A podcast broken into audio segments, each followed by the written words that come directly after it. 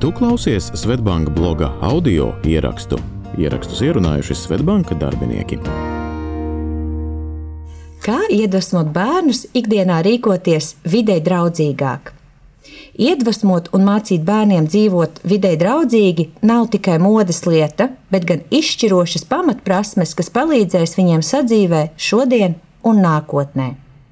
Mēs dzīvojam laikā, kad ar vien vairāk cilvēku, arī bērni un jaunieši, piedzīvo ekotrauksmi, jeb bailes un bažas par klimata pārmaiņām, planētas nākotni un dzīvību uz tās.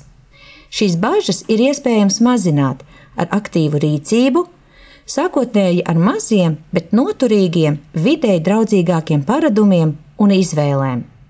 Bērni vecākus patstāvīgi vēro, Tāpēc mums patīk domāt, ka viņi sekos mūsu piemēram, arī dzen izvēloties vidē draudzīgākus paradumus, piemēram, ēdīs vairāk vegetārus ēdienus, pārvietosies ar kājām, lieki neticinās ūdeni un izslēgs gaismu, kad tā vairs nebūs nepieciešama.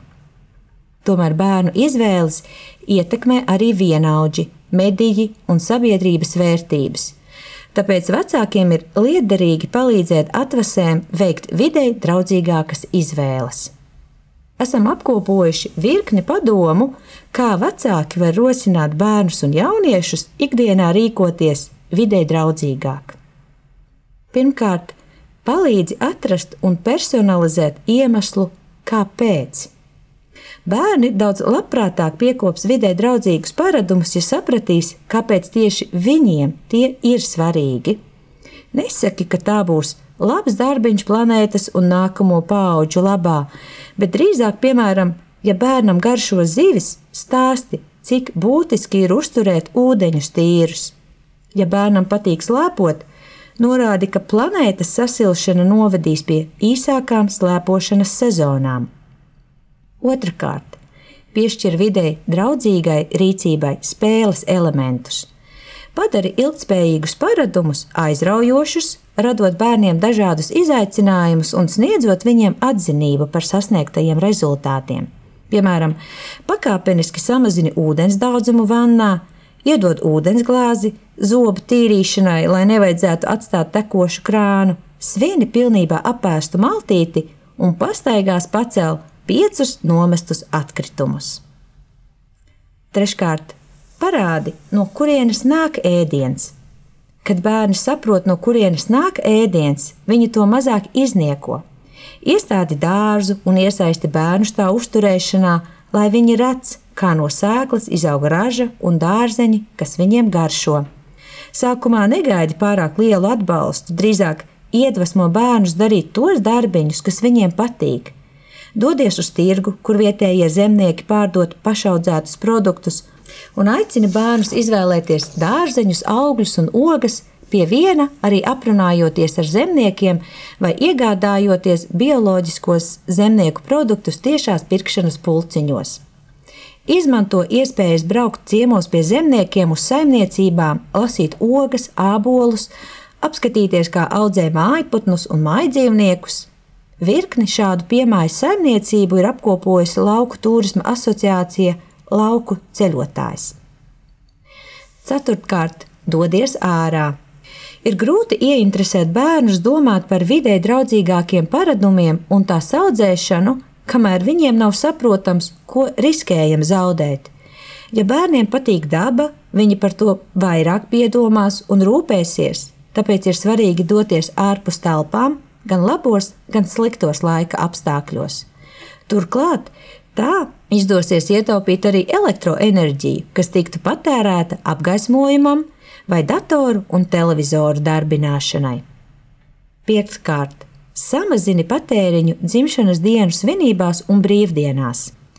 Pārlieku liels patēriņš apdraud mūsu planētu, tāpēc vecākiem ir jāspēj pretoties šim patērētāju kultu spiedienam jo bērni vēl nespēja atšķirt ažiotāžu no reālas vajadzības.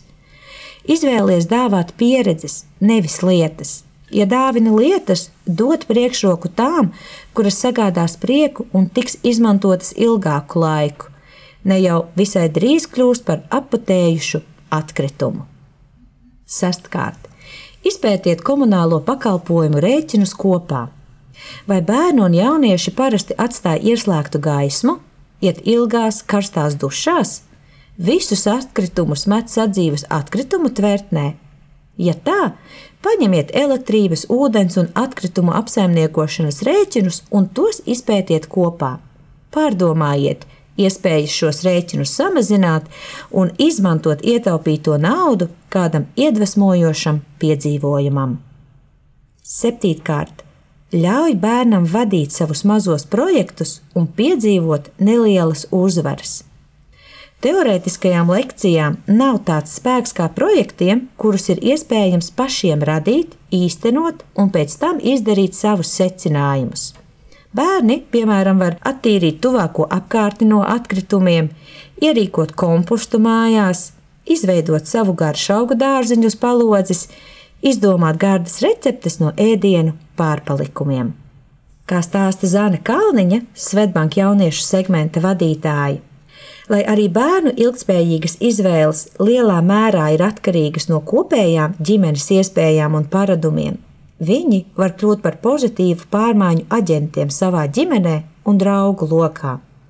Runājot ar līdzcilvēkiem, pievēršot uzmanību klimata problēmām, piedāvājot praktiskas idejas zaļākai ikdienai, piemēram, audzēt garšvielas uz palodzes un šķirot atkritumus. Cenšoties iemācīt vidē draudzīgus paradumus bērniem, neaizmirsti arī pats mācīties un pielāgoties saglabāt atvērtu, atbalstošu attieksmi un interesi par bērna ierosinājumiem. Nevien bērni mācās no mums, bet arī mēs no viņiem. Tas ir apusēji bagātinošs process mūža garumā. Šo un citus rakstus iespējams izlasīt blog.svetbank.cl.